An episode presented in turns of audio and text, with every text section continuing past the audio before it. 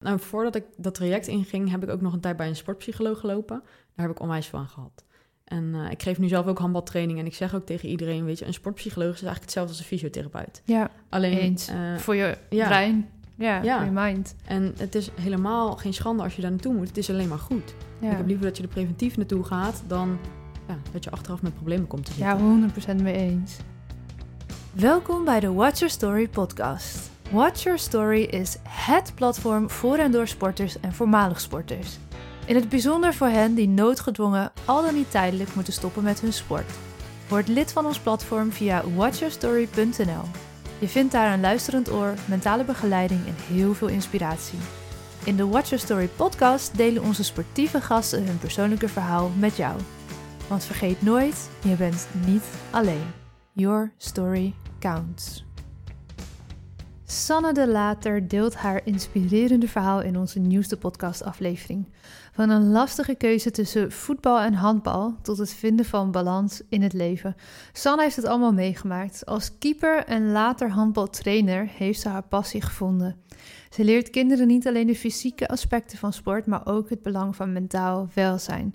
Ze inspireert ons met haar persoonlijke reis naar een gezonde leefstijl en bewuste zelfontwikkeling. Want als je stopt met je sport, wat dan?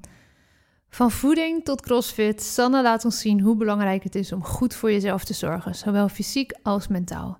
Luister naar deze nieuwste podcastaflevering en laat je inspireren door Sanne's verhaal over doorzettingsvermogen, moeilijke keuzes en persoonlijke groei.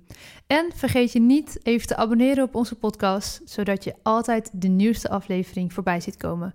Deel ook deze aflevering vooral met al jouw sportieve vrienden die ook wel een dosis inspiratie kunnen gebruiken. Veel plezier met luisteren. Sanne, welkom in de Watch Your Story podcast. Ik ben eh, heel blij dat jij vandaag te gast wil zijn en ben ontzettend nieuwsgierig naar jouw verhaal. Fijn dat je er bent. We gaan eh, heel veel horen over jouw handbalcarrière en van alles daarbinnen en buiten. Maar voor we daarin duiken, ook voor jou de openingsvraag die ik voor iedere gast heb. Wie is jouw grootste inspiratiebron? Ja, leuk om hier überhaupt eh, te zijn. Ehm, ja, inspiratiebron. Ik heb er heel lang over nagedacht, maar ja, eigenlijk heb ik niet één iemand. Uh, ik heb eigenlijk naar heel veel atleten gekeken en ik vind het eigenlijk heel interessant te zien, om te zien hoe mensen die eigenlijk totaal niet atletisch zijn, met hard werken, heel ver kunnen komen. En dat soort verhalen vind ik altijd heel inspirerend, omdat ik zelf ook niet van nature het grootste talent ben, maar het wel altijd van het harde werken uh, moest hebben. Uh, maar ja, in de handbalwereld, Tess Wester is uh, een van de bekende namen. Ja. Nou, dat is altijd wel een voorbeeld geweest sinds zij heel populair werd. En ja, verder Michael Jordan, dat soort sporters. Dat, ja, heb super ik altijd, eh, inspirerend. absoluut. Dus Ja. daar heb ik altijd heel erg naar opgekeken. Nice. Gaan we ongetwijfeld meer van voorbij horen komen.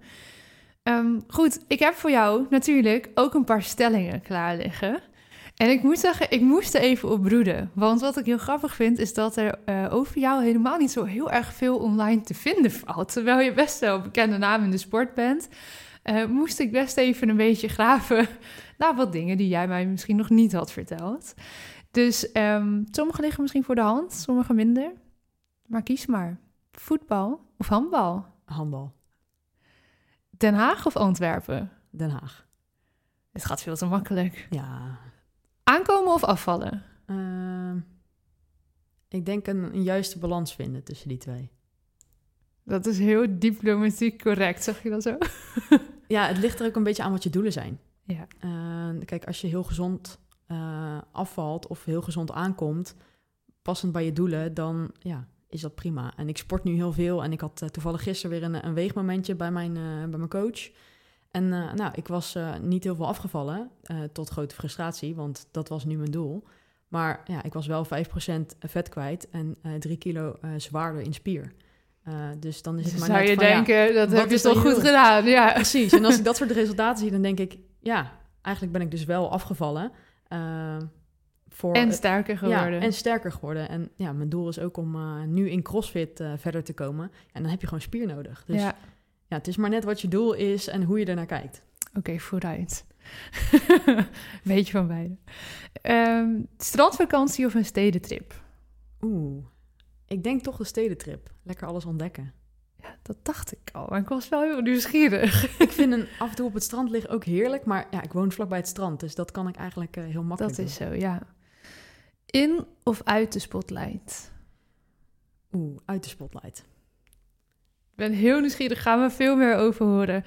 Ehm, ja, je noemde het net al eventjes, of ik noemde voetbal, jij noemde crossfit. Je hebt altijd fanatiek aan sport gedaan. En de meeste mensen kennen jou natuurlijk als handbalster. Maar wat veel mensen misschien niet weten, is dat jij ook een heel groot voetbaltalent was. Ik ben wel heel nieuwsgierig, hoe zag die sportieve jeugd van jou eruit? Eh, nou, het begon toen ik, ik denk een jaar of drie, vier was. Toen moest ik van mijn ouders eerst mijn zwemdiploma halen. En daarna mocht ik wat anders Fair doen. enough. Ja, en terecht nog steeds heel blij mee dat ze dat op die manier gedaan hebben.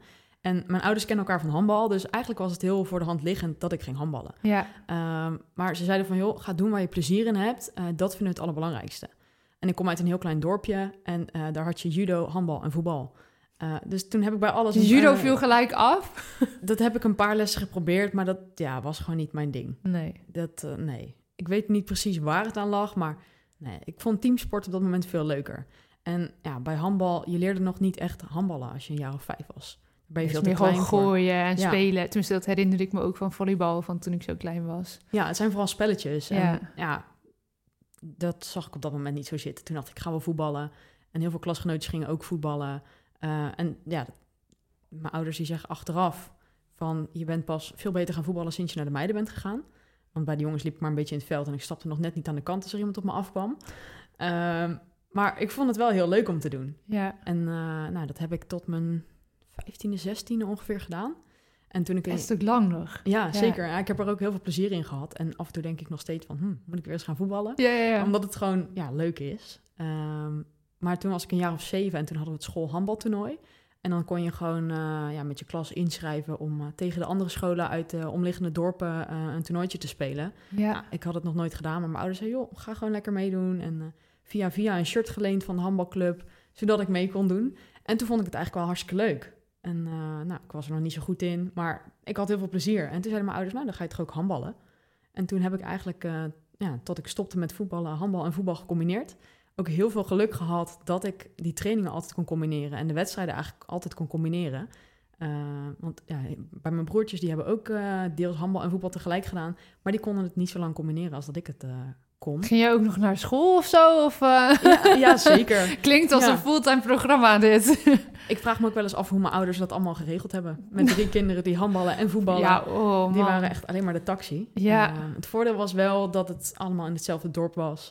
Eh, Ja, het is een beetje in de buurt. ja. Ja. Dus het- ik kon alles zelf op de fiets en te voet. En, nou, ik ben de oudste thuis, dus dan ben je al snel wat zelfstandiger en eh, moet je al snel zelf op pad. ja. Maar dat eh, was geen enkel probleem.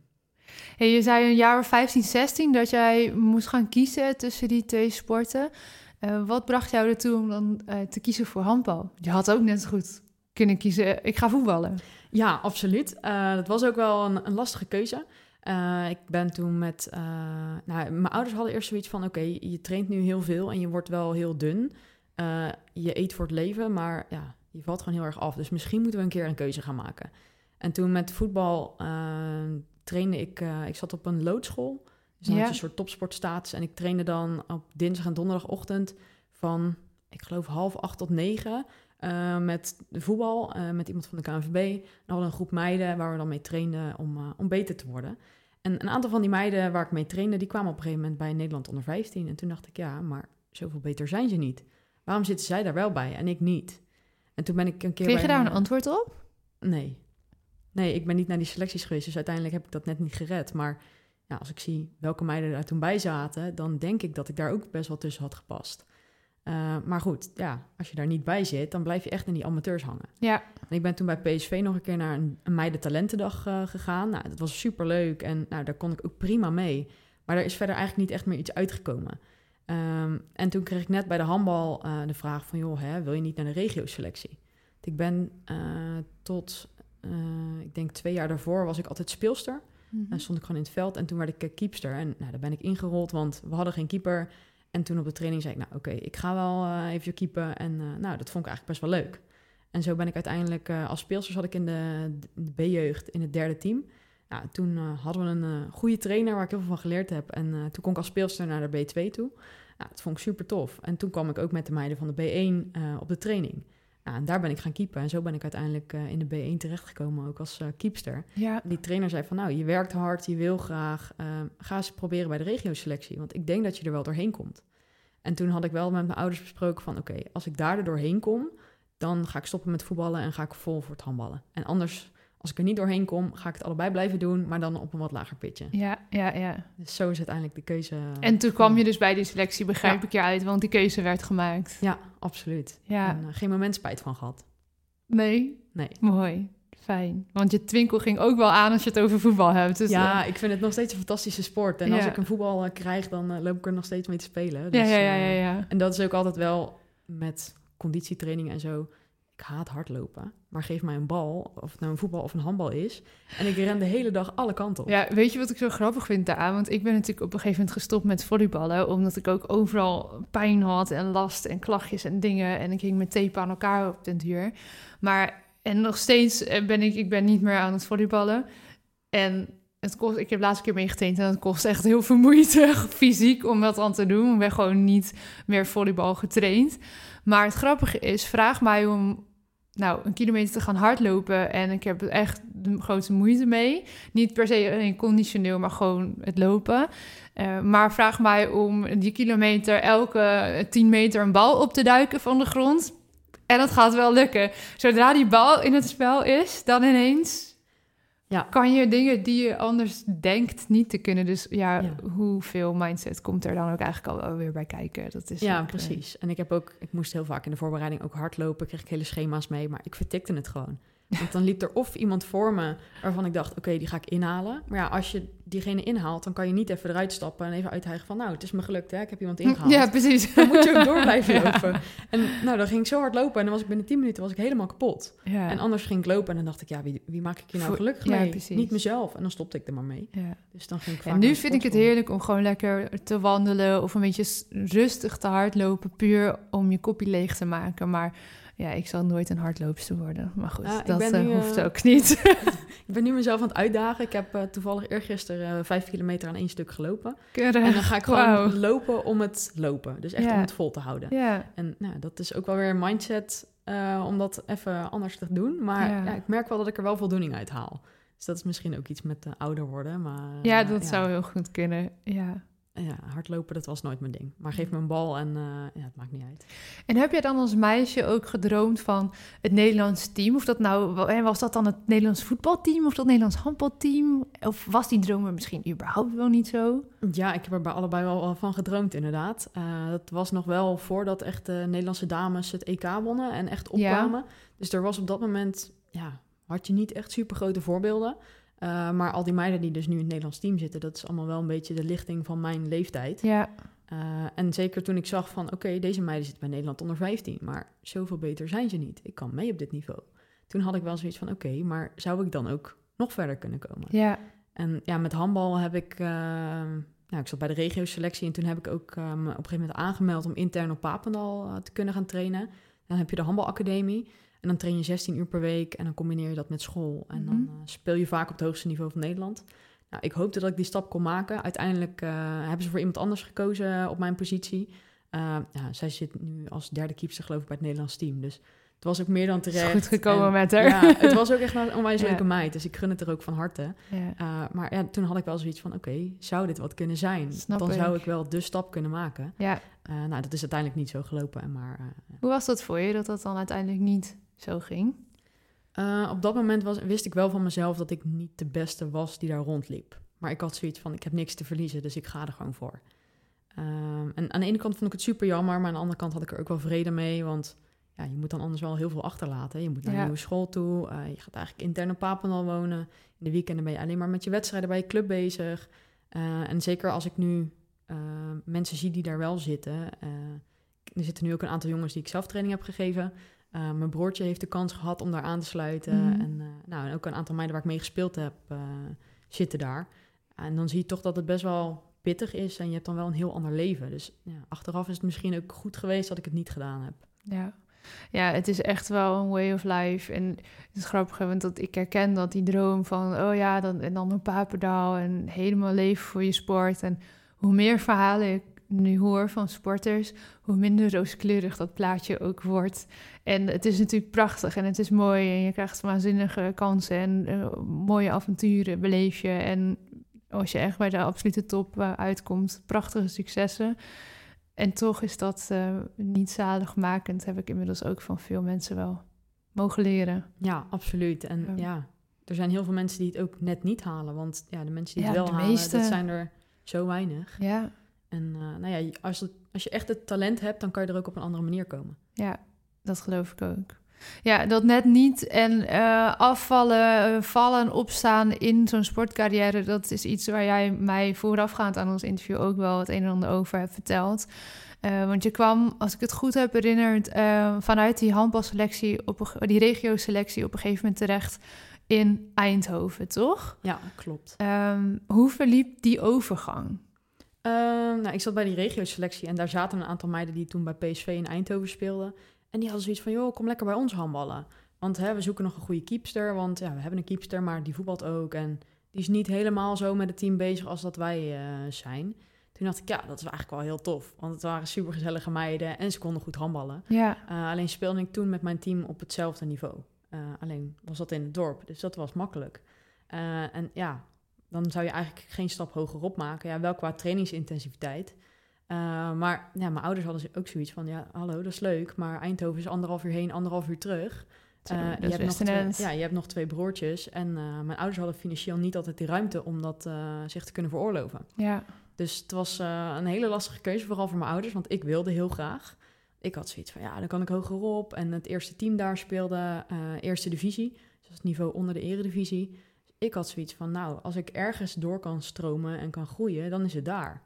Dus uiteindelijk heb ik toen met mijn ouders uh, na heel veel discussies uh, de afspraak kunnen maken dat ik dan uh, nou, een deel van mijn toen salaris, ik werkte bij de Action in de avonden dat ik vrij was en in de weekenden, dat ik daar gewoon een vast bedrag aan, aan mijn ouders zou geven voor de reiskosten. Ja. En dan ging ik, mijn ouders reden dan één keer in de week. Er was een teamgenootje die woonde op een half uurtje bij mij vandaan. Dus dan ging ik met de trein één keer in de week naar haar toe en dan reed ik daar vanaf mee. En dan één keer in de week uh, ging ik zelf met de trein. En dan de wedstrijden was afhankelijk van uh, wie er kon rijden. Zo, wat een commitment ook. Ja. ja. En hoe was het daar? Was het ook wat je hoopte? In het begin zeker. Het eerste jaar was uh, in de jeugd. En Even voor mijn beeld, hoe oud was jij toen ongeveer? Even tussendoor. Ik denk 16, 17. Ja, oké. Okay, ja. ja, ik had nog geen rijbewijs. Dus nee, precies. ik moest wel met het OV nog. ik denk dat, ja, denk dat ik dat het jaar 17 werd. Dat ik, uh...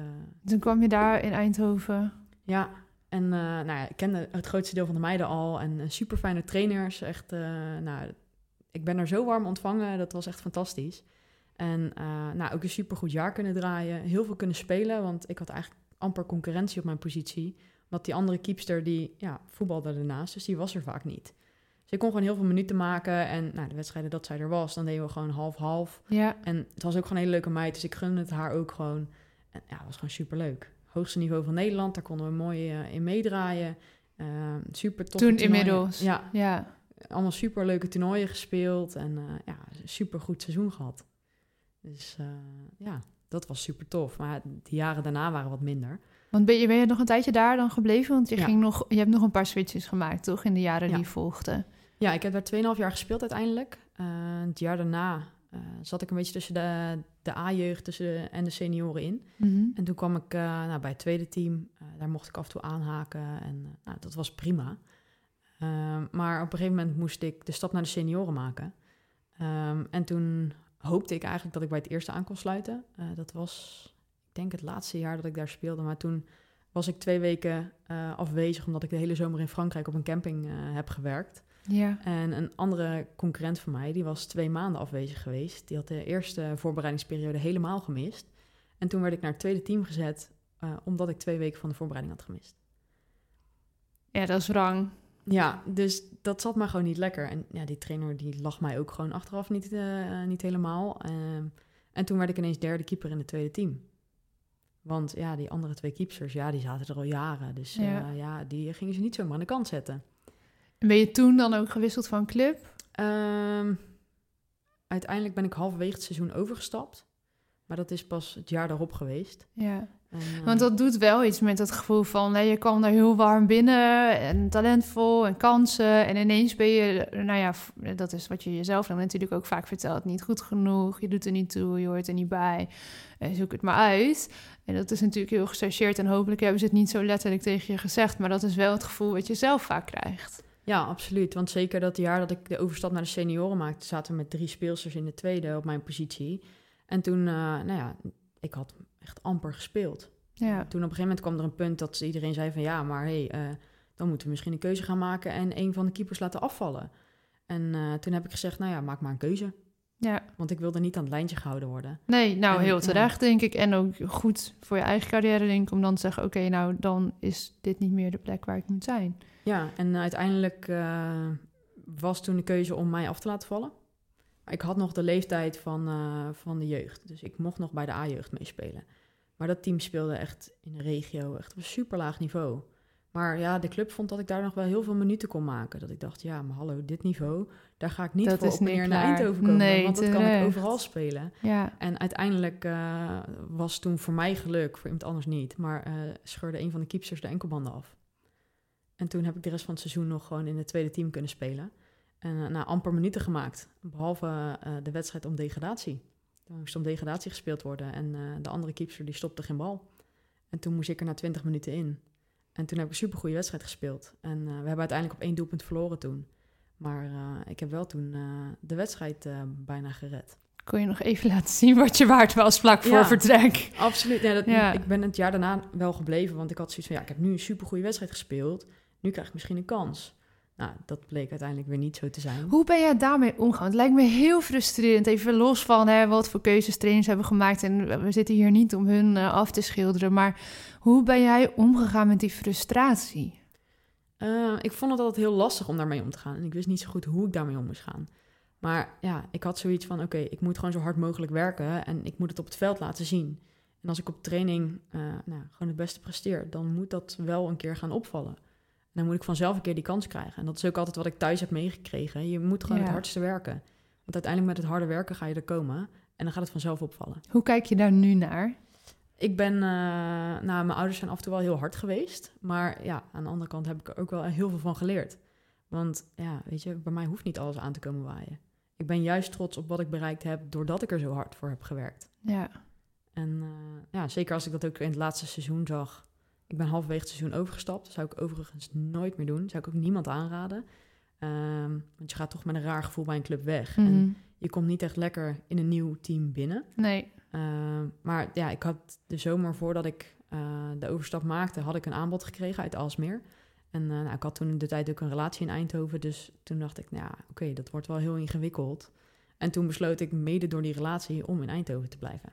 Ja. Ja, toen, zo zie je ja. maar dat er dus veel meer factoren zijn dan alleen maar de sport. Hè? De afstand, ja. reisafstand, thuiswonen, relatie. Ja. Eén goede wedstrijd die je dan toch weer aan het twijfelen brengt om wel of niet te blijven. Ja, ja het is wel heel eerlijk hoe je daarover vertelt.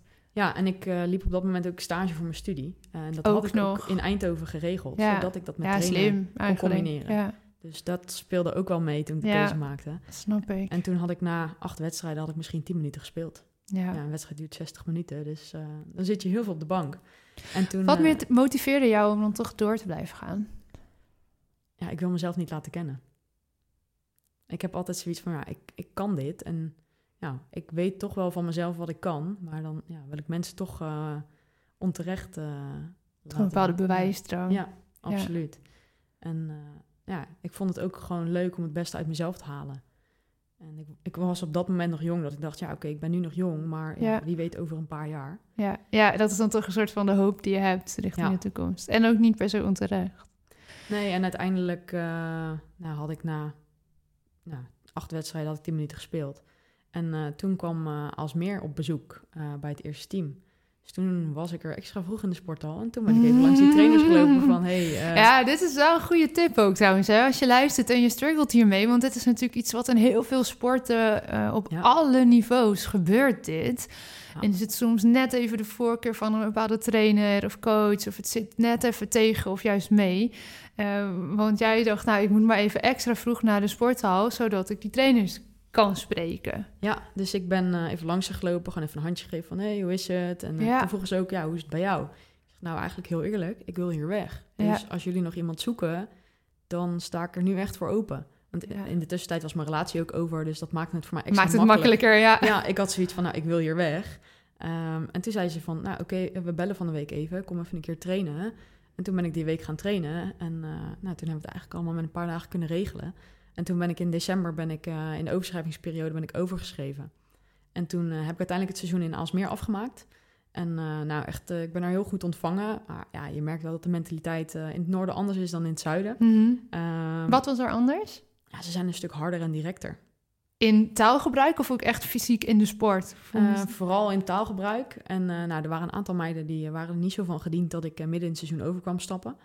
Eh, want ja, hè, ik eh, kreeg gewoon maar minuten en ik had me niet hoeven bewijzen in de voorbereiding. En dat werd niet door iedereen in dank afgenomen. Terwijl sommige meiden waren echt super aardig. En eh, nou, daar had ik het eigenlijk heel goed naar mijn zin. En de trainers waren heel leuk en ik kreeg gewoon een eerlijke kans. ja, En ik mocht me gewoon laten zien. En, fijn voor jou. ja. Hoewel ook ingewikkeld in zo'n teamdynamiek. Ja, Ja, absoluut. En ik kwam toen ook met een keepster en ja, die was gewoon super ervaren. Maar die gunde het mij ook. En dat was eigenlijk voor het eerst dat ik een positiegenoten had waar, waar we het elkaar gunden. ja. Weet je, als zij goed stond te spelen, dan had ik ook niet de drang van ik moet erin. Dan was ik ook gewoon blij voor haar. En ja, als het eh, slecht ging in de wedstrijd of zo, dan kwam ze er gewoon zelf uitlopen. Joh, San, het is jouw beurt. ja, Dat ik dacht, wow, dit heb ik eigenlijk nog nooit gezien. Het is altijd een concurrentiestrijd geweest. ja. En daar heb ik heel erg geleerd dat je het ook samen kan doen. ja, mooi. Uh, ja, dus dat was heel leerzaam. En nou ja, uiteindelijk, uh, ik kom uh, nou, uit Heerlen in Brabant. Heerlen zonder N. Uh, als je dan anderhalf uur heen moet naar Aalsmeer om anderhalf uur te trainen en dan weer anderhalf uur terug, dan is dat best wel pittig. Want je was dus niet in Aalsmeer gaan wonen? Nee, ik ben, woonde nog steeds thuis bij mijn ouders. En toen heb ik uh, mede door mijn stage in Eindhoven toen een autootje kunnen kopen. En toen uh, ben ik gewoon lekker op en neer gaan rijden. En uh, ik kreeg gelukkig wel mijn reiskosten vergoed vanuit Aalsmeer. Dus Ja. dat vond ik heel netjes. Maar ja, het kost gewoon heel veel tijd. Ja. Want uiteindelijk ben jij via Aalsmeer in Den Haag terechtgekomen, toch? Ja. Waar je nu nog steeds uh, woont ook? Ja. Ik woon nu in Den Haag inderdaad. En uh, nou ja, ik heb het een half jaar uitgehouden bij Aalsmeer. Maar de reisafstand was gewoon niet te doen. Nee, dat kan ik me helemaal voorstellen. Ja. Ja, En toen, hoe leuk uh, het ook is. Maar dan moet je echt verhuizen. Ja, en ik heb toen wel gekeken, want ik moest toen ook de stap maken van MBO naar HBO. Want ik was eigenlijk klaar met mijn studie. Ja. Toen heb ik gekeken om naar Amsterdam te verhuizen. Uh, en aan de Universiteit van Amsterdam te gaan studeren. Mm -hmm. maar ik kon gewoon geen kamer vinden. Nee, dan moet Dus je ook echt was, in Amsterdam zijn. Ja, inderdaad. Ja. dus daar heb ik echt nog wel werk van gemaakt. En ook vanuit de club hebben ze meegedacht om een appartement te vinden of Ja. iets. Maar dat ja, werkte gewoon niet. Dus toen uh, uiteindelijk ben ik naar Den Haag uh, gegaan. Dat scheelde toch weer een half uur reizen. En Ja. uh, mijn broertje speelde toevallig ook bij die club. Dus ik kwam daar wel eens kijken. Toen zei ze, ja, we zoeken nog een keepster. En dat was wel een niveau lager, dus ik ging naar de tweede divisie. Maar ik had zoiets van, ja, als ik hier gewoon veel minuten kan maken, dan is dat ook goed. Ja. En, En had jij dan in die periode nog steeds die droom van ooit het Nederlands team? Of was dat op dat moment al wat nee, laten dat, uh, varen? Ik, ik heb dat toen in Eindhoven, tweede, derde jaar Eindhoven, heb ik dat wel een beetje laten varen. Want ja, ik kreeg gewoon te weinig kansen en ik merkte gewoon dat ik gewoon net niet goed genoeg was. Ja. En uh, nou, ik heb wel thuis ook altijd geroepen tegen mijn ouders van ik ben liever derde keeper in de eredivisie uh, dan dat ik ergens maar eerste keeper ben en veel kan spelen. En was dat ook echt zo in, toen het zover was? Um, of was het toen toch ook een beetje zuur dat je dan geen minuten mocht maken? Nou, toen ik eenmaal in de eredivisie kwam, heb ik wel gelijk de eerste wedstrijden minuten mogen maken. Oké, okay, nou, fair enough. Ja, uiteindelijk heb ik maar vijf uh, wedstrijden in de eredivisie gespeeld. Uh, ook weer door allerlei omstandigheden met trainers, mm. blessures, uh, valse beloftes. Maar ja, ik heb het wel meegemaakt. Ja. En ik vond het wel onwijs gaaf. Ik zie ook helemaal ja. een soort van twinkeling in je ogen als je het over hebt. Ja, ja. en nou, daar heb ik ook weer heel veel dingen gezien dat ik dacht, hmm, oké. Okay. Maar ja, ik vond het wel gewoon heel gaaf om dat mee te maken. Want dat wilde ik altijd graag, ja. de eredivisie. En ja, dan sta je daar ineens minuten te maken tegen de landskampioen. Dat je denkt, oké. Okay, ik sta hier nu echt. Ja, ja, en de meiden die dan nu bij het Nederlands team zitten, die toen nog in de Eredivisie speelden, dat je daar dan gewoon ballen van stopt. Dat ja. je denkt, oké, okay, dat heb ik toch maar mooi even gedaan. Ja. Wanneer kwam voor jou dan het besluit, het is mooi geweest, ik stop hiermee? Um, ik denk dat het nou, iets meer dan anderhalf jaar geleden kwam. Ja, dat is nog helemaal niet zo lang geleden, hè? Nee, in de jaren daarvoor riep ik wel, ah, ik ga stoppen, ik heb er geen zin meer in. En, Wat ja. maakte dan nu dat je echt dacht, het is klaar, ik stop nu echt? Ehm, ik kreeg op een gegeven moment weer een relatie en toen zag ik dat er ook andere dingen waren dan sport. Want mijn leven was altijd werken uh, of school en uh, sporten. Ja. En nou ja, als je dan ineens een relatie krijgt, gaat er ineens weer een hele wereld voor je open. En uh, nou, ik zat toen ook wel eens mentaal dat ik mezelf gewoon niet helemaal op mijn plek voelde. En toen heb ik ook een, uh, een traject gevolgd bij een soort mindset coach. En nou, daar kwam ik ook voor het eerst in aanraken met CrossFit. En met nou ja, een andere manier van leven. Ik stond altijd op als ik bijna weg moest. En daar was het van, oké, je moet om vijf uur op een parkeerplaats zijn. Dat ik echt dacht, ik in godsnaam doen? En het was in de buurt van Amsterdam. En uh, nou, om half zes gingen we lopen. En dan waren we rond zes uur uh, bij de CrossFit-box.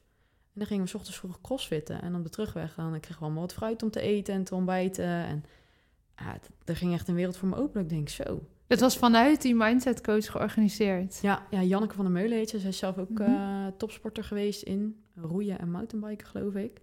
Uh, ook wereldkampioenschappen gedaan. En ja, zij leeft helemaal vegan. En ik vond het wel interessant, maar ik had niet zoiets van, nou, is dit iets voor mij? Maar ik dacht, weet je, ik heb nu gewoon even iets nodig. Ik denk dat ik meer uit mezelf kan halen, laat ik dat gewoon eens doen. En uh, nou, een hoop in geïnvesteerd, want het is niet goedkoop, dat soort dingen.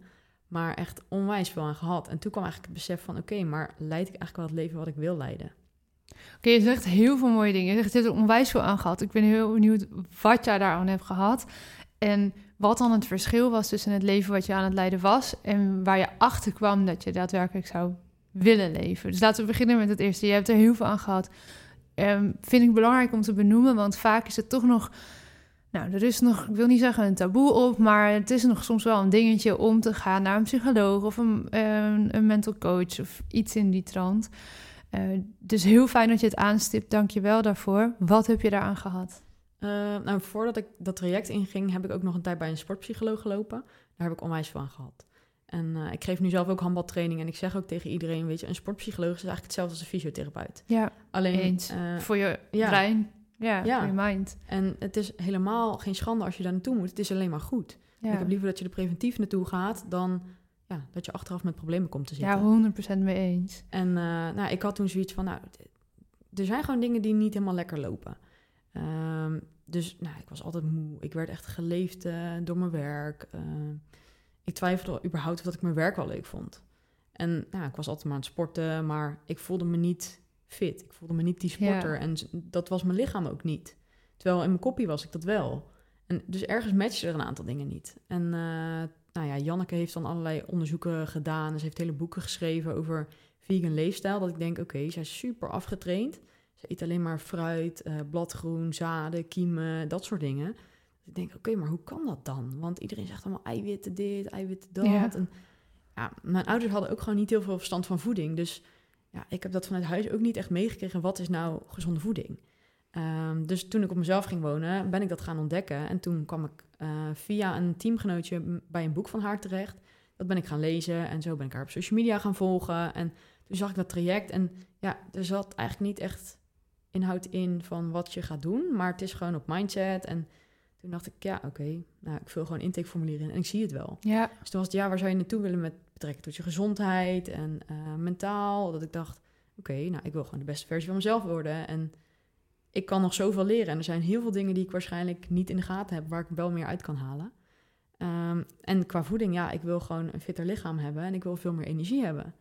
En ik wil niet meer zo geleefd worden door de dag. En uh, bij haar heb ik echt geleerd om te kijken naar wat ik wil. Ja. Maar ja, ja, we hebben echt superveel gedaan. Dus je begint echt met crossfitten. Uh, dat ik dacht, oké, okay, ik heb nog nooit gecrossfit. Geen dat idee. is eigenlijk haar tool om nou ja, al die, die lessen te gaan leren. Begrijp ik dat goed? Ja, zij heeft heel veel experts ook ingeschakeld. Dus op heel veel vlakken heb ik heel veel dingen geleerd. Uh, bijvoorbeeld, ze had bijvoorbeeld uh, Jack Little, een van de hoogste opgeleide militairen van heel Nederland. En die kwam vertellen over slaap. Oh ja. Hoe hij zijn optimale slaap inzet. Want hij slaapt, ik geloof, zes uur, maar ook echt zes uur diep. Dat ik denk, oké, okay, dat is wel heel inspirerend. Hoe dan? En er was ook een, uh, een mevrouw en die ging dan, uh, nou, je onbewuste overtuigingen ging ze mee aan de slag. En dan uh, had zij een soort therapie of een, ja, ik weet niet hoe ze het deed, maar dan haalde ze die onbewuste overtuigingen weg. En ja, daardoor, ja, je merkte het niet direct of zo, maar op termijn had je wel zoiets van, oké, okay, er zijn wel dingen anders. Het is iets veranderd, ja. Ja, en ja, dat soort dingen. Ik ben nooit echt met het spirituele bezig. Ik ben altijd heel nuchter geweest. Dat ik dacht, ja, het zal allemaal wel. Ik geloof er niet zoveel van. Maar toen had ik voor het eerst dat ik denk, oké, okay, maar dit werkt wel. Hoe kan Ja. dit? Ja, nou ja, ik werk natuurlijk heel veel samen met eh, Paula Dillema en zij is systemisch coach. En daar wordt vaak ook gedacht van hè, het is zweverig en eh, sommige stukken zou je zo kunnen noemen. Maar dat is meer omdat het een ervaring is en je het gewoon tot op zekere hoogte kan uitleggen en daarna moet je het ervaren. En dan denk je, oh, zo, oh, eh, zweverig en hoe kan dat, hoe kan dat? Maar oh, ja, ik werk natuurlijk al langer met haar en ook met het systemisch werk. En ehm, het, het helpt inderdaad echt om dat soort overtuigingen te kunnen veranderen. Een soort van opnieuw te programmeren zelfs. Of Ja, eh, overtuigingen die misschien helemaal niet van jou zijn. Die je hebt geleerd van ouders of trainers of coaches. Soms is het maar een klein zinnetje wat je een keer hebt gehoord van iemand. Wat zo is blijven hangen. Wat je daarmee dus wel... Ik weet niet of zij systemisch coach was natuurlijk, maar misschien iets in die trant. Maar wat je op die manier ja, toch echt opnieuw kan programmeren. Waardoor dan een tijdje later je ineens denkt van... Wacht even, er is toch iets anders. ja en ja, ik was daar nooit mee bezig geweest. En, ja, geen idee waarom eigenlijk. Maar dat, het kwam nooit op mijn pad. En nu had Nee. ik echt zoiets van... Oké, dit is wel heel interessant. En eh, nou, we hebben ook een stukje pilates gedaan. Maar we zijn ook echt ehm, teruggegaan in van... Nou, oké, eh, je ontwikkelt jezelf. En nou, in je eerste zeven levensjaren leer je eigenlijk het meeste. En dat zijn eigenlijk Mhm. de gewoontes en dingetjes die je de rest van je leven aanhoudt. Ja, En toen zijn we heel intensief ook gaan kijken van, nou oké, eh, als onze ouders bijvoorbeeld liefde geven of als ze boos worden, hoe doen ze dat? En ook heel kritisch reflecteren naar hoe doe je dat zelf? ja. Eh, want meestal is het of hetzelfde of Of compleet, compleet, tegen- ja. ja, compleet tegenovergesteld. Dat ik dacht, oké, dat heeft voor mij wel ja, heel veel dingen op zijn plek gezet, denk ik. Waardoor ik ook meer begrip had voor mijn ouders, maar ook bewuster met mijn eigen gedrag aan de slag ben gegaan. Dat ik denk van, oké, nou, mijn ouders die kunnen af en toe echt wel boos worden en eh, nou, dan eh, kan niemand iets goed doen. Nou, dat heb ik op de training ook wel eens. Als ik een bal in mijn gezicht krijg, nou, dan kan diegene niks meer goed bij me doen. Dat ik denk, oké, dit is interessant. Hoe kan ik hiermee aan de slag? ja. om gewoon mezelf te ontwikkelen. En eh, nou, ja, we hebben ook een stukje Pilates gedaan. We hebben koude training gedaan. We hebben een stukje Wim Hof gedaan. Eh zo hebben we eigenlijk op heel veel vlakken van gezondheid zijn we aan de slag gegaan. Mooi En, hoor. bij haar kregen we alleen maar vegan eten. En ik weet nog, we hadden dan, ik geloof, vier of vijf dagen een hele dag gewoon een sessie bij haar. En we zijn ook naar een hele grote fruitgroentehandel geweest. En nou, het was fantastisch. Ja, de eerste dag dat ik daar was geweest, ik had, eh, ik, nou, ik had voor mezelf de overtuiging, ik kan niet hardlopen. En die wilde ik dan laten wegnemen. Dat was een van de weinige dingen die ik kon bedenken. En ik had de hele dag super gezond gegeten bij haar en eh, nergens last van. En ik had voor het eerst dat ik dacht, oké, ik zit nu wel gevuld. En dat had ik met gewoon brood en dingen niet gehad. En eh, ze had voor mij een hardloopschema gemaakt. Ze zegt, oh, we beginnen morgen gelijk mee. Ja, is goed. Ik volgende ochtend vroeg mijn wekker gezet. Ik ga hardlopen. Ik heb nog nooit zo makkelijk gelopen. Ja, bijzonder? En omdat die overtuiging was weggenomen. En Ja. omdat ik gewoon zo gezond had gegeten als het ware. Dat gewoon mijn lichaam echt superveel brandstof had. Ja. ja, en dat is het ding met brood. Hè. We zijn in Nederland natuurlijk opgegroeid met eh, brood, brood, brood, brood, brood. En als ik één ding heb mogen leren de afgelopen jaren, hoewel ik nog wel steeds brood eet, is eh, het vult wel, maar het voedt niet. Ja, Ja, dat precies. is wel echt eh, ja, on. Toen ik dat hoorde, dacht ik, ja, is wel een beetje zo, ja. Ja, absoluut. Ja. En ik, eh, nou, ik eet sindsdien ook veel meer fruit. En iedereen is altijd, ja, niet te veel fruit en suikers. En haar boeken, die gaan daar ook weer dieper op in.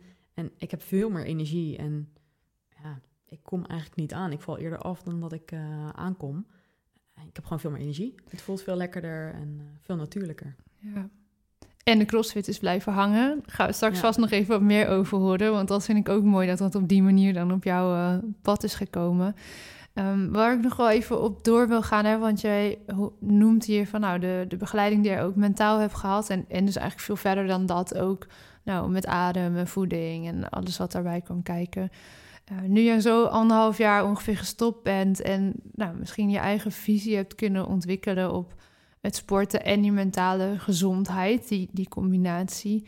Ehm, ja, wat, wat is jouw visie op hoe we dat misschien beter of anders zouden moeten doen in sportend Nederland? Ik denk dat we het sowieso bespreekbaar moeten maken. Nou, dan zijn we high five. dan zijn wij lekker bezig vandaag. Ja, absoluut. nou, en ik ben zelf ook handbaltrainster. En ik heb eh, tot januari eh, training gegeven aan jongens tot en met een jaar of 15, 11 tot en met 15.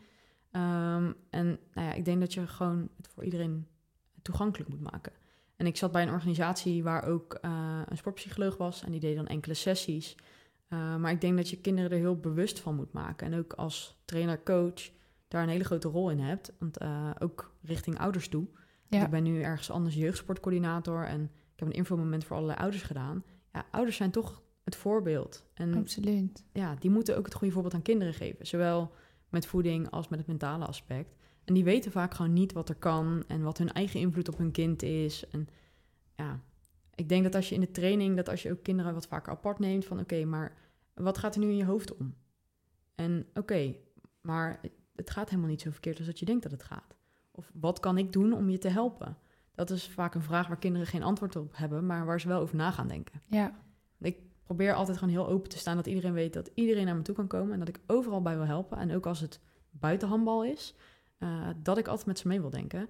Om gewoon ja, die openheid te krijgen en het gesprek aan te kunnen gaan. Ja. Dat is vaak het begin. Ja, mooi. En ik ben, ik ben het absoluut met je eens. Dat er, eh, wij zijn er natuurlijk nu met Watch Your Story vooral voor de sporters. En zijdelings hoop ik dat er trainers, coaches, ouders meeluisteren, meelezen.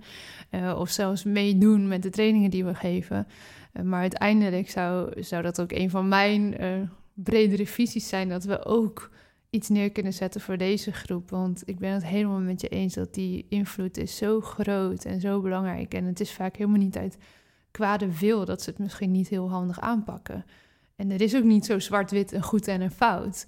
Nee. Maar wat tips en tricks en tools, ja, dat kan soms wel echt heel helpend zijn. Ja, absoluut. Want ik, uh, naar die organisatie waar ik dan eerst training heb gegeven, uh, daar zat ook een sportpsycholoog. En die had op een gegeven moment een stagiair en die had een uh, afstudeeronderzoek. Ik zeg, joh, ik wil je wel helpen.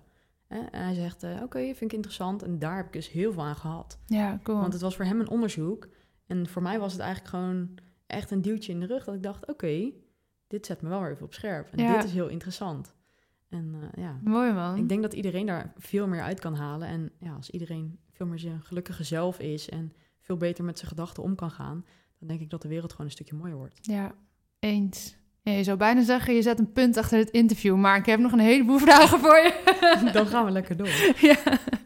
ja, ik ben nieuwsgierig naar hoe die eh, transitie voor jou is gelopen het afgelopen anderhalf jaar. Je hebt natuurlijk het een en ander verteld, de dingen die je hebt gedaan. Uh, maar je bent gestopt met de focus op sport en tussen haakjes het gewone leven ingerold. Um, kun jij ons meer vertellen over hoe dat voor jou is verlopen, die transitie tussen nou, meer het sportleven en het werkende leven, kan ik het zo zeggen? Ja, nou, ik ben altijd al wel, uh, ik ben al een jaar of vier ondernemer, dus dat heb ik er ook altijd wel uh, bij gedaan. Nou ja, bijgedaan. Ik heb gewoon heel veel ballen geprobeerd bij hoog te houden. Mm -hmm. En toen ik stopte, toen dacht ik eerst, oh, lekker vakantie. Gewoon even lekker niks doen. Maar ja, als ik niet beweeg, dan uh, wordt mijn hoofd heel onrustig en ja, dan word ik niet heel gelukkig.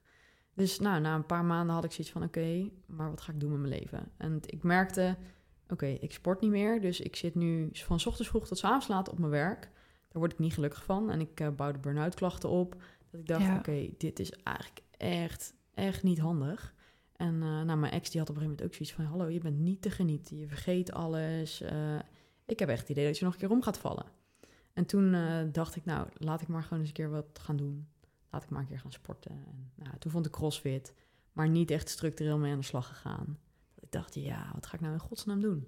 Dacht je ook van, ja, wat is er nou eigenlijk nog net zo leuk als handbal? Nee, want ik miste het handballen totaal niet. Okay. Ik miste alleen het sociale aspect. Ja. Van na de wedstrijd nog even in de kantine met z'n allen wat drinken. Of gewoon gezellig kletsen met die meiden. En Klinkt alsof voetbal voor de hand had gelegen, maar dat is dus ook niet gebeurd. Heb ik wel over nagedacht, maar ik wilde gewoon niet meer aan die uh, verplichtingen vastzitten. Nee, dat snap ik. Want ja, ja als je vier, vijf keer in de week traint en dan ook een hele dag kwijt bent met wedstrijden, daar wilde ik gewoon een beetje vanaf. Ja, dat snap ik. En uh, daar heb ik ook geen moment spijt van gehad. En ik spreek een aantal meiden nog steeds heel veel. We gaan regelmatig wat eten en zo. Dus dat sociale is er nog steeds wel. Uh, maar ik had echt zoiets, ja, wat ga ik niet doen met mijn leven? Ik wist gewoon niet wat ik met mezelf aan moest. En uh, het voelde een beetje als een soort zwart gat. Nou, en dan ging ik maar werken, want ja, dat was een van de weinige dingen die ik kon doen. Ja, en daar maar vol gas, net als dat je gewend was in de sport. Alleen ja. toen viel je bijna om. Ja, en uh, uiteindelijk uh, in mijn zakelijk netwerk leerde ik toen iemand kennen. en zij was crossfit coach. En toen dacht ik, hé, hey, ik ben begonnen met crossfit. Ik wil hier wat beter in worden. En toen ben ik met haar aan de slag gegaan. En dan deden we iedere week een uurtje mental coaching en een uurtje echt gewoon trainen. En uh, nou, dat begon eigenlijk met ik wil afvallen. En uiteindelijk uh, na drie maanden in dat traject uh, ja, heb ik eigenlijk mijn halve leven omgegooid. want ik werkte eigenlijk bij een bureau. ik werd daar fulltime ingehuurd als ZZP'er om daar een marketingafdeling op te bouwen. Ja. maar ik zat daar niet op mijn plek. En nou, ik ging maar door, want ik wilde daar resultaat halen en het beste eruit halen. Maar eigenlijk was ik daar echt doodongelukkig. Uiteindelijk heb ik uh, in dat traject, uh, ben ik eigenlijk amper afgevallen. Maar heb ik wel hele grote keuzes gemaakt. Want ik ben niet meer bij dat bureau uh, actief. Ik ben weer volledig voor mezelf werkzaam. inmiddels is die relatie is ook over. Ehm, nou, dat, ik zat daar ook gewoon niet op mijn plek. Dat was gewoon niet de persoon voor mij. En qua werk was het ook gewoon niet waar ik gelukkig van werd. En ja, sinds dat eigenlijk allemaal achter de rug is, ik heb ook met de handbal nog als trainer een rechtszaak gehad. Dus er kwam ineens superveel op me af. En sinds dat achter de rug is, ja, heb ik gewoon weer een beetje mezelf gevonden. En ben ik ook echt gaan zitten van, oké, maar wat wil ik? Ja, in plaats ja, van ben je dan door andere mensen. Ja, ben je echt nieuwe doelen gaan stellen of ben je daar niet zo van? Ja, ik, uh, ik sta ja, Ga je wel lekker op lijstjes met ja. doelen? Aan de andere kant is dat ook mijn valkuil, want ik wil iedere dag een tien gooien en dat gaat ook niet altijd. Ja, precies, ja. Uh, maar ik heb nu voor mezelf inmiddels een lekker ritme opgebouwd. Um, ik heb uh, sinds, nou, sinds januari ben ik weer volledig voor mezelf werkzaam. Was ook alweer spannend, want je moet eigenlijk weer helemaal opnieuw beginnen en alles weer opbouwen. Ja. ik heb gelukkig een heel goed zakelijk netwerk, dus toen iedereen dat hoorde, kreeg ik ineens weer super veel nieuwe klanten. Dus dat was super gaaf. Ik heb nu een nieuw kantoor ook. Dat zit echt op vijf minuten fiets van mijn huis. Dus waar ik voorheen een uur heen en een uur terug uh, in de auto zat, oh, hou, doe ik nu lekker alles op de fiets. Oh, wat goed. Ja, en deel ik met hey, de... Je bent echt dingen gewoon in jouw hele leven die keuzes gaan maken. Relatie, huis, wonen, voeding, sporten, ja. uh, werk. Overal ben je een soort van, nou ja, weer met een witte pagina begonnen van hoe wil ik het? Ja, absoluut. En die mensen die jij hebt gehad als, als coaches en in therapie, hebben die dan ook echt de grootste schakel gevormd in uh, antwoord kunnen geven op die vraag? Dat denk ik niet. Ik denk dat het voor mij gewoon een ingang was om weer te beseffen dat ik wat meer focus voor mezelf moest hebben. En hoe ben je dan uh, voor jezelf een antwoord gaan vinden op die vraag van wat wil ik? Nou, ik merkte dat er dingen waren die niet klopten. En ik kreeg daar niet de energie van die ik wilde krijgen. En nou, toen ik, uh, het was een hele lastige keuze om bij dat bureau weg te gaan, want ik had daar eigenlijk nog heel lang kunnen zitten en ik had daar nog super mooie dingen kunnen doen en voor hele grote klanten kunnen werken. Maar ja, ik weet niet. Ik, ik hoorde ook van de mensen om me heen van, hé, hey, maar ik spreek je niet zoveel meer. Of, hé, hey, je ziet er moe uit. Of, je bent niet meer zo enthousiast. Dat ik dacht, ja, ik heb ook eigenlijk helemaal geen zin om te werken. Het is van, oh, ik moet weer. Mm. Het is niet meer van, oh yes, ik mag weer. En uh, nou, sinds ik uh, per 1 februari een nieuw kantoor had, deel ik met een vormgever ja, die is gewoon creatief. Dat is gewoon een en al vrolijkheid. Die vliegt alle kanten op. Maar dat geeft voor mij een bepaalde rust of zo. Dat ik denk, ja, creativiteit. Ik kan binnenkomen waaien wanneer ik wil. Hij heeft super toffe ideeën. En dan ga ik weer verder op die ideeën. En dan komt hij ook weer met nieuwe toffe ideeën. En ja, dat versterkt weer. Dus ja, ik hoor nu ook steeds vaker, ja, je straalt weer als je het over je werk hebt. ik denk, ja, maar ik vind het ook weer heel leuk. Dus ik ga er weer voor. En uh, nou, mijn normale dag nu is dat ik meestal rond een uur of zes opsta. En dan ga ik meestal om zeven uur s ochtends trainen. Uh, tot een uurtje of half negen. Uh, dan douche ik even snel en dan ga ik richting kantoor. Dan werk ik overdag. nou, tussendoor ga ik soms nog even wandelen. als er wat sociale dingen tussendoor komen, kan dat ook. en dan einde van de dag ga ik lekker naar huis. Even lekker op het gemakje koken. En dan ga ik s'avonds vaak nog wandelen. Of even met vrienden wat drinken. Even naar het strand toe. ik merk dat ik daar heel veel rust van krijg. Mooi hoe je zo'n duidelijke structuur hebt weten op te pakken. Die, ja, waar sport is vaak toch ook wel gewoon lekker op gaan. Maar nu eentje die jou wel als een jas goed past. Ja, ja, absoluut. En ik vloog altijd alle kanten op. Maar ja, ik heb nooit geweten dat ritme en structuur zoveel voor me kon betekenen. Ja, voor wie niet zou ik bijna willen zeggen. Maar de een gaat er natuurlijk wel lekkerder op dan de ander. Dat is absoluut zo. Ja, en het is ook een stukje discipline. Ja. En nou ja, als sporter moet je dat het goed is wel hebben. Maar het is soms wel lastig om dat weer terug te vinden. Absoluut. Want in je sport is het een soort van non-negotiable. Je hebt de trainingen, je hebt je team als je een teamsporter bent. En trouwens ook heel veel uh, solo sporters werken met een team natuurlijk. En je hebt daar een commitment gegeven. Dus je denkt er niet eens meer over. Nou, eigenlijk maak je wel elke keer de keuze om die training te volgen, om bij de wedstrijd te zijn. Maar die keuze gaat al zo onbewust.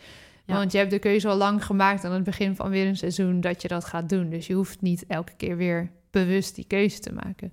Zoals je je leven inricht buiten de sport, ja, moet dat vaak toch, uh, moet je die discipline, die, die, dat talent van discipline toch weer iets meer gaan inzetten. Ja, om wel elke keer bewust die keuze te maken. Ja, en soms moet het ook gewoon met kleine stapjes. Ja, ja. En, uh, dat vergeten mensen heel vaak. En dan, het lijken heel veel kleine stapjes, maar ja, als je het ene stapje zet, dan komt die andere steeds makkelijker en eh, kom je er uiteindelijk wel. Ja. Dus het heeft even tijd gekost, maar ik ben zo blij met het ritme wat ik nu heb. En, Fijn. Met het plezier wat ik weer in heel mijn leven heb, op alle fronten eigenlijk. Wat ben jij gaan doen als ondernemer? Ehm, ik heb twee bedrijven, eh, online marketingbureau. Eh, daar help ik eigenlijk gewoon heel veel enthousiaste en creatieve ondernemers die willen groeien. Dat vind ik vaak de leukste mensen. Die zijn enthousiast over wat ze doen en die willen meer en beter. En ik vind het superleuk om daarin mee te kijken. En eh, heel veel mensen zeggen, ja, ik moet iets met social media. Terwijl dat is niet hetgene waardoor ze gaan groeien. In de meeste Meestal gevallen. niet, nee. Dus dan eh, ja, probeer ik ze daar bewust van te maken. En dan begeleid ik ze gewoon door de jaren heen. eh, dat ze een deel zelf kunnen doen. En als het nodig is, kan ik ook dingen uit handen nemen. Ehm, en dan heb ik, eh, nou, dat is eigenlijk een hobbyprojectje, maar dat is een bedrijf geworden. Elektrische deursloten. Dus als je met je telefoon in de buurt aankomt lopen, gaat de deur van slot af. En dan kan je gewoon binnen. Ehm, Dat is. Hoe ben je daarbij gekomen? ik, heb, Ehm. ik heb heel veel vragen nu ineens. nou ja, ja ehm, ik doe dat samen met iemand anders. En zij is makelaar. En wij kennen elkaar van het zakelijk netwerk. Ja. En toen ik nog bij dat bureau werkte, eh, hadden zij allemaal systemen met, met de makelaarssystemen. Dus zij deden dan een stukje digitale raampresentatie, dus schermen in de etalage met Mhm. alle huizen erop bijvoorbeeld. Ja. En ze hadden ook koppelingen met de websites. En die makelaar die zei, ja, ik heb nu thuis zo'n slot, want ze was net verhuisd. En eh, ja, ik wil daar iets mee kunnen doen. Dat is leuk voor de makelaardij. Ik zeg, joh, maar als we kunnen regelen dat je op de website een tijdslot kan boeken... eh, dan kan je gewoon automatisch een mail krijgen met hoe je dus een account aan kan maken in die app. En dan krijg je toegang tot een bepaalde tijd. En als die mensen dan komen bezichtigen en het staat leeg, kunnen ze zo naar binnen lopen als ze de telefoon bij hebben. Zei, oh, dit is zo gaaf, hier moeten we iets mee. Ik zei, nou, dan gaan we eerst gewoon beginnen. En eh, nu hebben we, zijn we dan bezig met de webshop bouwen.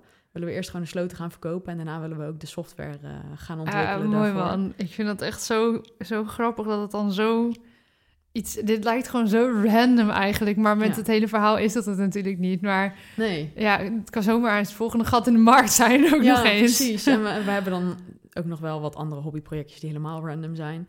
Ik heb een eh, financieel adviseur. Nou, echt, dat is echt eh, een van de helden in mijn leven.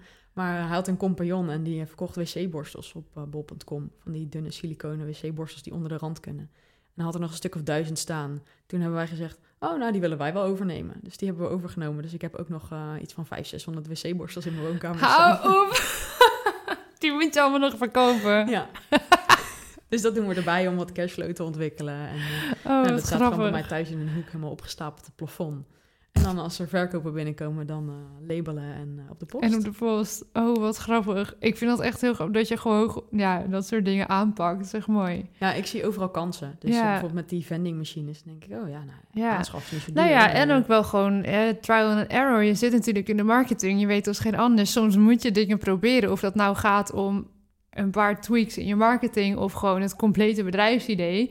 Eh, ja, je moet vaak ook wel dingen gewoon testen, kijken wat er gebeurt. En, eh, Ja, absoluut. En met die sloten had ik zoiets van, oké, dan kan ik ook wat meer webshops gaan doen. Want Ja. dan heb ik gewoon een idee hoe het werkt. En dan kan Ja. ik zelf alles experimenteren. ja. Want ik heb vooral heel veel business-to-business gedaan. Eh, en ja, webshops vind ik ook wel heel interessant. Dus ik dacht, nou, als ik dan eerst voor mezelf ga proberen... Heb je een goede leerschool Dan- ja. te pakken voor binnen je bedrijf? En dan gooi ik niet gelijk het geld van klanten weg. En dan is het dan mijn eigen investering. Voelt ook iets comfortabeler. Jongens, jullie kunnen met een gerust hart naar Sanne. Ja. ja, het is gewoon superleuk. Want je leert er superveel van. Ja. Zijn er ook vaardigheden die jij in je sportcarrière hebt ontwikkeld, die jij eh, nu, we noemden net al even discipline, maar die jij nu heel duidelijk inzet in nou, je bedrijf, maar ook in het leven daaromheen? Ehm, ja, sowieso doorzettingsvermogen. Niet zo snel opgeven. Gewoon lekker ergens voor blijven gaan. Continu blijven doorontwikkelen. Ehm, met handbal vond ik het altijd leuk om weer nieuwe dingen te leren. Ja, dat heb ik in mijn werk ook. Want ja, ik ben niet specialist op één gebied, want Mhm. dat vind ik te saai. Er moeten nieuwe dingen zijn. Er moet altijd iets gebeuren. Eh, maar ook gewoon ja, echt een team vormen. Dus eh, klanten die zeggen, hier heb je een potje met geld, doe er maar wat mee. Ja, daar word ik niet enthousiast van. Nee. Ik wil het graag samen met mensen doen. En eh, ja, dat vind ik toch eigenlijk wel heel belangrijk eh, in mijn werk. Want nou, ook al heb ik dan een eigen bedrijf, wil ik het wel met mensen doen. Ja, Anders wordt het heel eenzaam. snap ik. En eh, nou ja, als ik überhaupt al zeg van nou, ik ben topsporter geweest, dan heeft iedereen zoiets van oh, die wil voor resultaat gaan en die heeft een beetje discipline. Dus dat zit wel dat goed. zit wel goed. Ja, Ja. dat helpt wel mee. Absoluut. Ja, ja. ja. ja, en je leert daardoor gewoon heel veel enthousiaste mensen kennen. En je ziet dan ineens hoeveel mensen interesse in sport hebben, maar ja, op een andere manier. Ja. Ja, mooi. Dat heb je natuurlijk nooit zo door als je zelf in Nee. de sport zit. Nee. Heb je dan ook nog weer nieuwe talenten of kwaliteiten ontdekt eh, waarvan je misschien eerst helemaal niet eens door had dat je ze had. Maar omdat je nu heel iets anders bent gaan doen, dat je ineens denkt: hé, hey, wacht eens even, dat kan ik eigenlijk ook best goed. Uh, ja, ik ben ook tegen dingen aangelopen die ik totaal niet kan. Uh, zeker met CrossFit vind ik een heel mooi voorbeeld. Het is heel breed. Dus je moet gymnastics kunnen, maar je moet ook conditie kunnen. Je moet ook weightlifting kunnen. En nou, ik schijn dus heel erg een aanleg te hebben voor weightlifting. Ik pak de technieken blijkbaar heel snel op en ik kan qua gewicht snel opschalen. Dat ik denk, oké, maar dit vind ik eigenlijk ook wel heel leuk. Uh, maar de gymnastics, dat kan ik totaal niet. Want ja, doe maar een handstand tegen de muur. Nou, ik ben al meer dan een half jaar bezig, maar ik kan nog steeds niet. Dus dat soort dingetjes. Denk ik, oh, ik kan dit echt niet. Maar dan ja, heb ik toch wel weer de wil om het te kunnen. Dus ik heb nu een, een coach ingeschakeld. Zij gaat ook naar de, naar de CrossFit Games in de 35-plus categorie. Dus dat is echt wereldkampioenschap. En zij is altijd turnster geweest. Dus ik heb nu bij haar dat ik voor drie dagen in de week een schema krijg en af en toe personal training doe. Ja, ik kan in ieder geval niks half doen. Dat is ook een kwaliteit. Zeker. En een vuilkamp misschien ook, maar... Ja, zeker. Ja. Maar ja, ik zorg altijd dat, uh, ja, dat ik het toch op een manier voor elkaar krijg. Ja. En heb je dan met hè, die hele verandering ook gemerkt dat in jouw sociaal leven en je sociale netwerk veel anders is geworden? Um, ja, het is vooral veranderd. Het is niet dat er heel veel mensen weg zijn gevallen of zo. Ik heb meer tijd voor ja, de vrienden buiten handbal. Mm ik heb ook wat meer rust uh, daardoor in vriendschappen. Dat ik denk van oké, het hoeft allemaal niet gehaast. En ik kan wat makkelijker ergens naartoe. Uh, als ik een keer niet ga trainen, is het ook geen ramp. En uh, nou ja, daarvoor was dat bij de handbal heel erg van... Nou, was je echt iedere, da iedere dag bijna met die meiden. En het zijn super gezellige meiden. En ik ben nog steeds onwijs blij dat ik altijd met ze gespeeld heb. Maar ja, je creëert toch weer een ander leven. Ja. Dus uh, ja, je relaties en je dynamieken, die veranderen ook allemaal weer. Waar het thuis eerst altijd maar over handbal ging, gaat het nu over veel meer dan dat. Ja, ik je ook nog eens ergens anders over Dat, dat is wel iets, ja, dat herken ik wel. En dat heb je pas later door hoezeer dat eigenlijk zo is. En dat was ook helemaal oké ook toen, hè. Maar nu denk ik, oh ja, ik heb nu een hele andere gesprekken ook met mijn ouders, met vriendinnen. Ja, ja. ook zeker toen nou, ik een relatie kreeg en mijn broertjes, die hebben dan, nou ja, één broertje heeft wel een relatie met iemand die in de handbal zit, de ander niet. Maar dan, ja, die mensen komen dan in een gezin waar het alleen maar over handbal gaat. En die zitten er dan ook bij dat ik denk... Ja, dat is best heftig, hè? Dit is wel intens, ja. Eh, nu ik dat zo zie. Ja. En uh, nou, ook mijn ouders veranderen daar best wel in. En uh, ja, ik weet niet, het wordt gewoon anders. Vonden zij het lastig dat je ging stoppen? Uh, weet ik niet. Ja, mijn ouders die kwamen sowieso niet heel veel kijken. Uh, maar dat is meer omdat ik een broertje heb wat in Duitsland woont. Uh, die heeft nog geen rijbewijs. Um, en ja, die is pas 19. Dus daar hebben ze de afgelopen jaren heel veel naartoe moeten rijden om daar te helpen en te zorgen dat daar alles goed ging.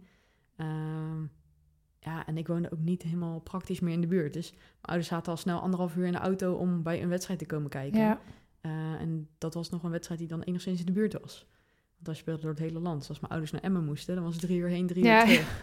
dat zagen ze vaak gewoon niet zitten. Wij zeiden ook altijd, alle uitwedstrijden binnen de twee uur, die zijn dichtbij. Ja, ja, ja. Dus, nou ja mijn ouders kwamen sowieso niet zo heel veel kijken. Dus dat scheelt al wel. Dus de impact misschien iets minder groot. Ja. ja. Ja, en ze hebben ook gewoon nog twee andere kinderen... waar ze ook nog uh, voor moeten rijden. En uh, dat gaat allemaal wel gewoon door. Ja.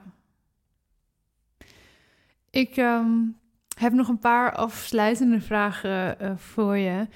Um, want ik zou het mooi vinden, jouw, jouw afscheid is nog niet zo lang geleden van de sport.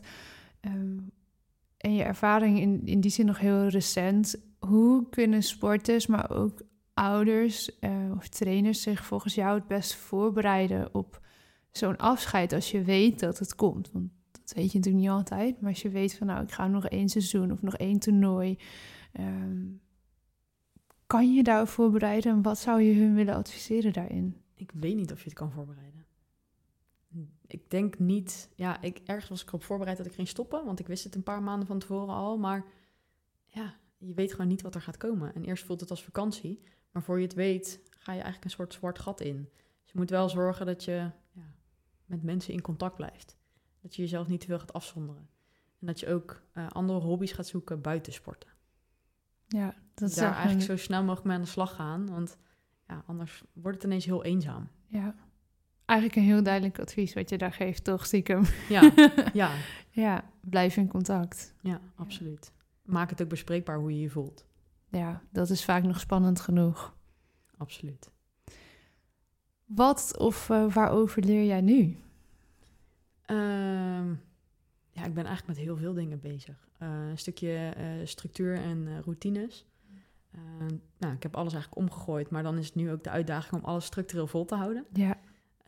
in CrossFit leer ik onwijs veel. gewoon überhaupt de technieken en wat je allemaal doet, maar ook een stukje mindset weer.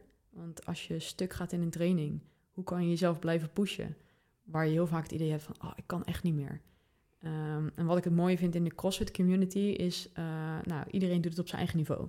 Dus kan jij geen handstand, dan doe je een alternatief daarvoor. En uh, nou, is iemand als eerste klaar, good for you. Maar diegene staat ook de anderen aan te moedigen. Uh, dus het is echt een soort community. En als mensen zo je aanstaan te moedigen, dan ja, ga je toch nog een stapje harder of zo. Hoe je dat bij jezelf ook weer kan triggeren. En uh, nou, gewoon hoe een community ook kan zijn zonder dat het gedwongen is. Zonder dat je echt er verplicht moet zijn, zoals met een handbaltraining.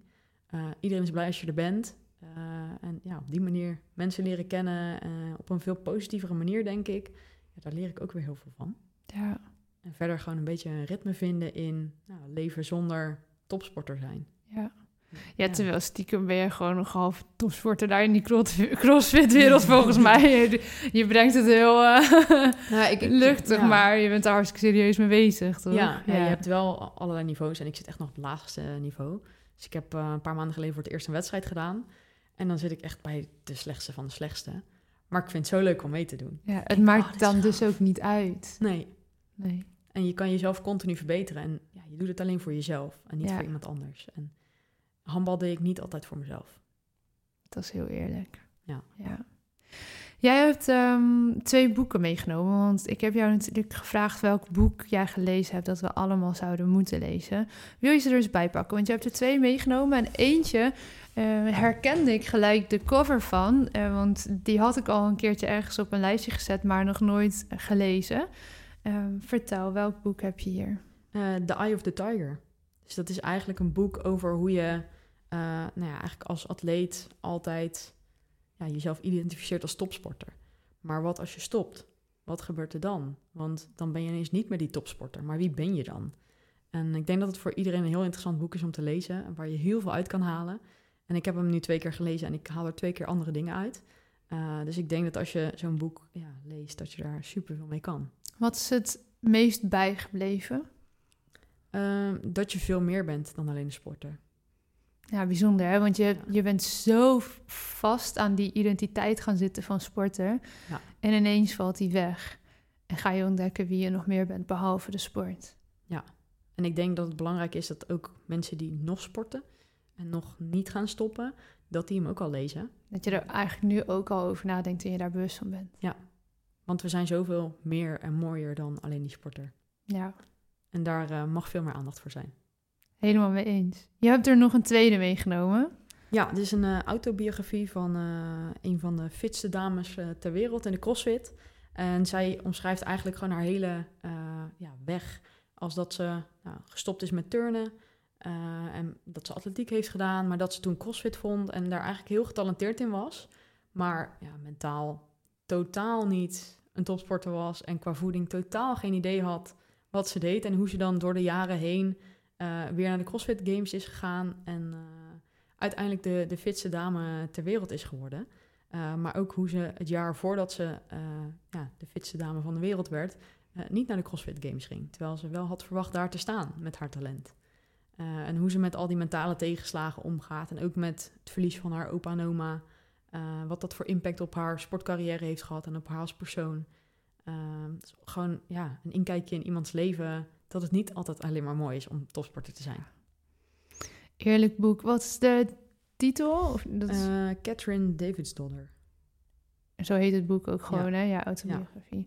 We gaan uh, de titels van de boekjes en uh, als we een linkje kunnen vinden, gaan we dat ook even onder de blog die bij deze podcast hoort zetten. En in de show notes van de aflevering. Dat komt goed.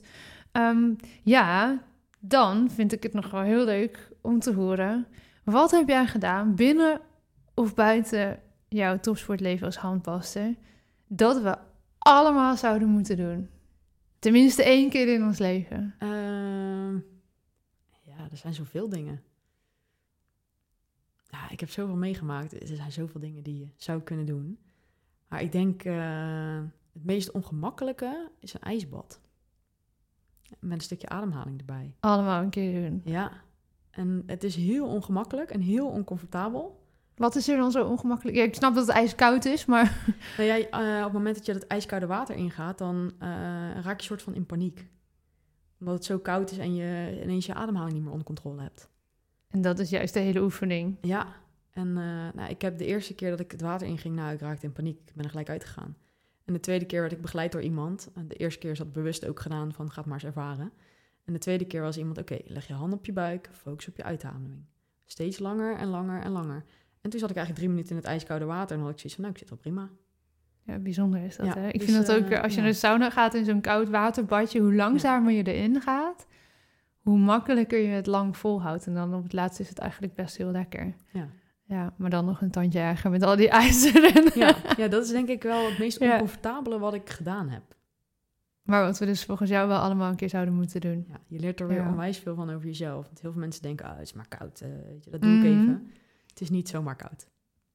We nemen hem mee. Staat nog ergens uh, voor ooit. Tot slot, eh, Sanne, Watch Your Story is er natuurlijk voor sporters die al dan niet tijdelijk moeten stoppen met hun sport. Door een blessure, omdat ze niet meer geselecteerd werden, financiën ontbreken, support ontbreekt vanuit huis of wat voor andere reden dan ook. Als je deze sporters nog één advies zou mogen meegeven aan het einde van deze podcast, welk advies zou dat zijn? Blijf erin geloven. Er zijn altijd wegen om er toch te komen. Ook als het financieel niet kan of als je denkt dat je toch niet goed genoeg bent. Er zijn altijd mensen die je kunnen helpen en ja, bijna niks is onmogelijk. Dankjewel. Graag gedaan. Dankjewel voor het luisteren naar deze aflevering van de Watch Your Story podcast. Ben je op zoek naar een luisterend oor omdat je in een lastige fase zit binnen of na jouw sportieve leven? Word dan vandaag nog lid van ons platform. Dit kan heel eenvoudig via watchyourstory.nl. Wil je liever persoonlijk contact over jouw situatie? Mail ons dan via team@watchyourstory.nl. Je mailt ons vertrouwelijk en krijgt altijd een antwoord. Verder vinden we het natuurlijk super leuk om te weten wie er luistert. Deel deze aflevering vooral binnen je netwerk en op social media. Wil je nooit meer een aflevering missen? Abonneer je dan op ons kanaal via jouw favoriete podcast-app. Nogmaals bedankt voor het luisteren. Tot de volgende aflevering en onthoud, your story counts.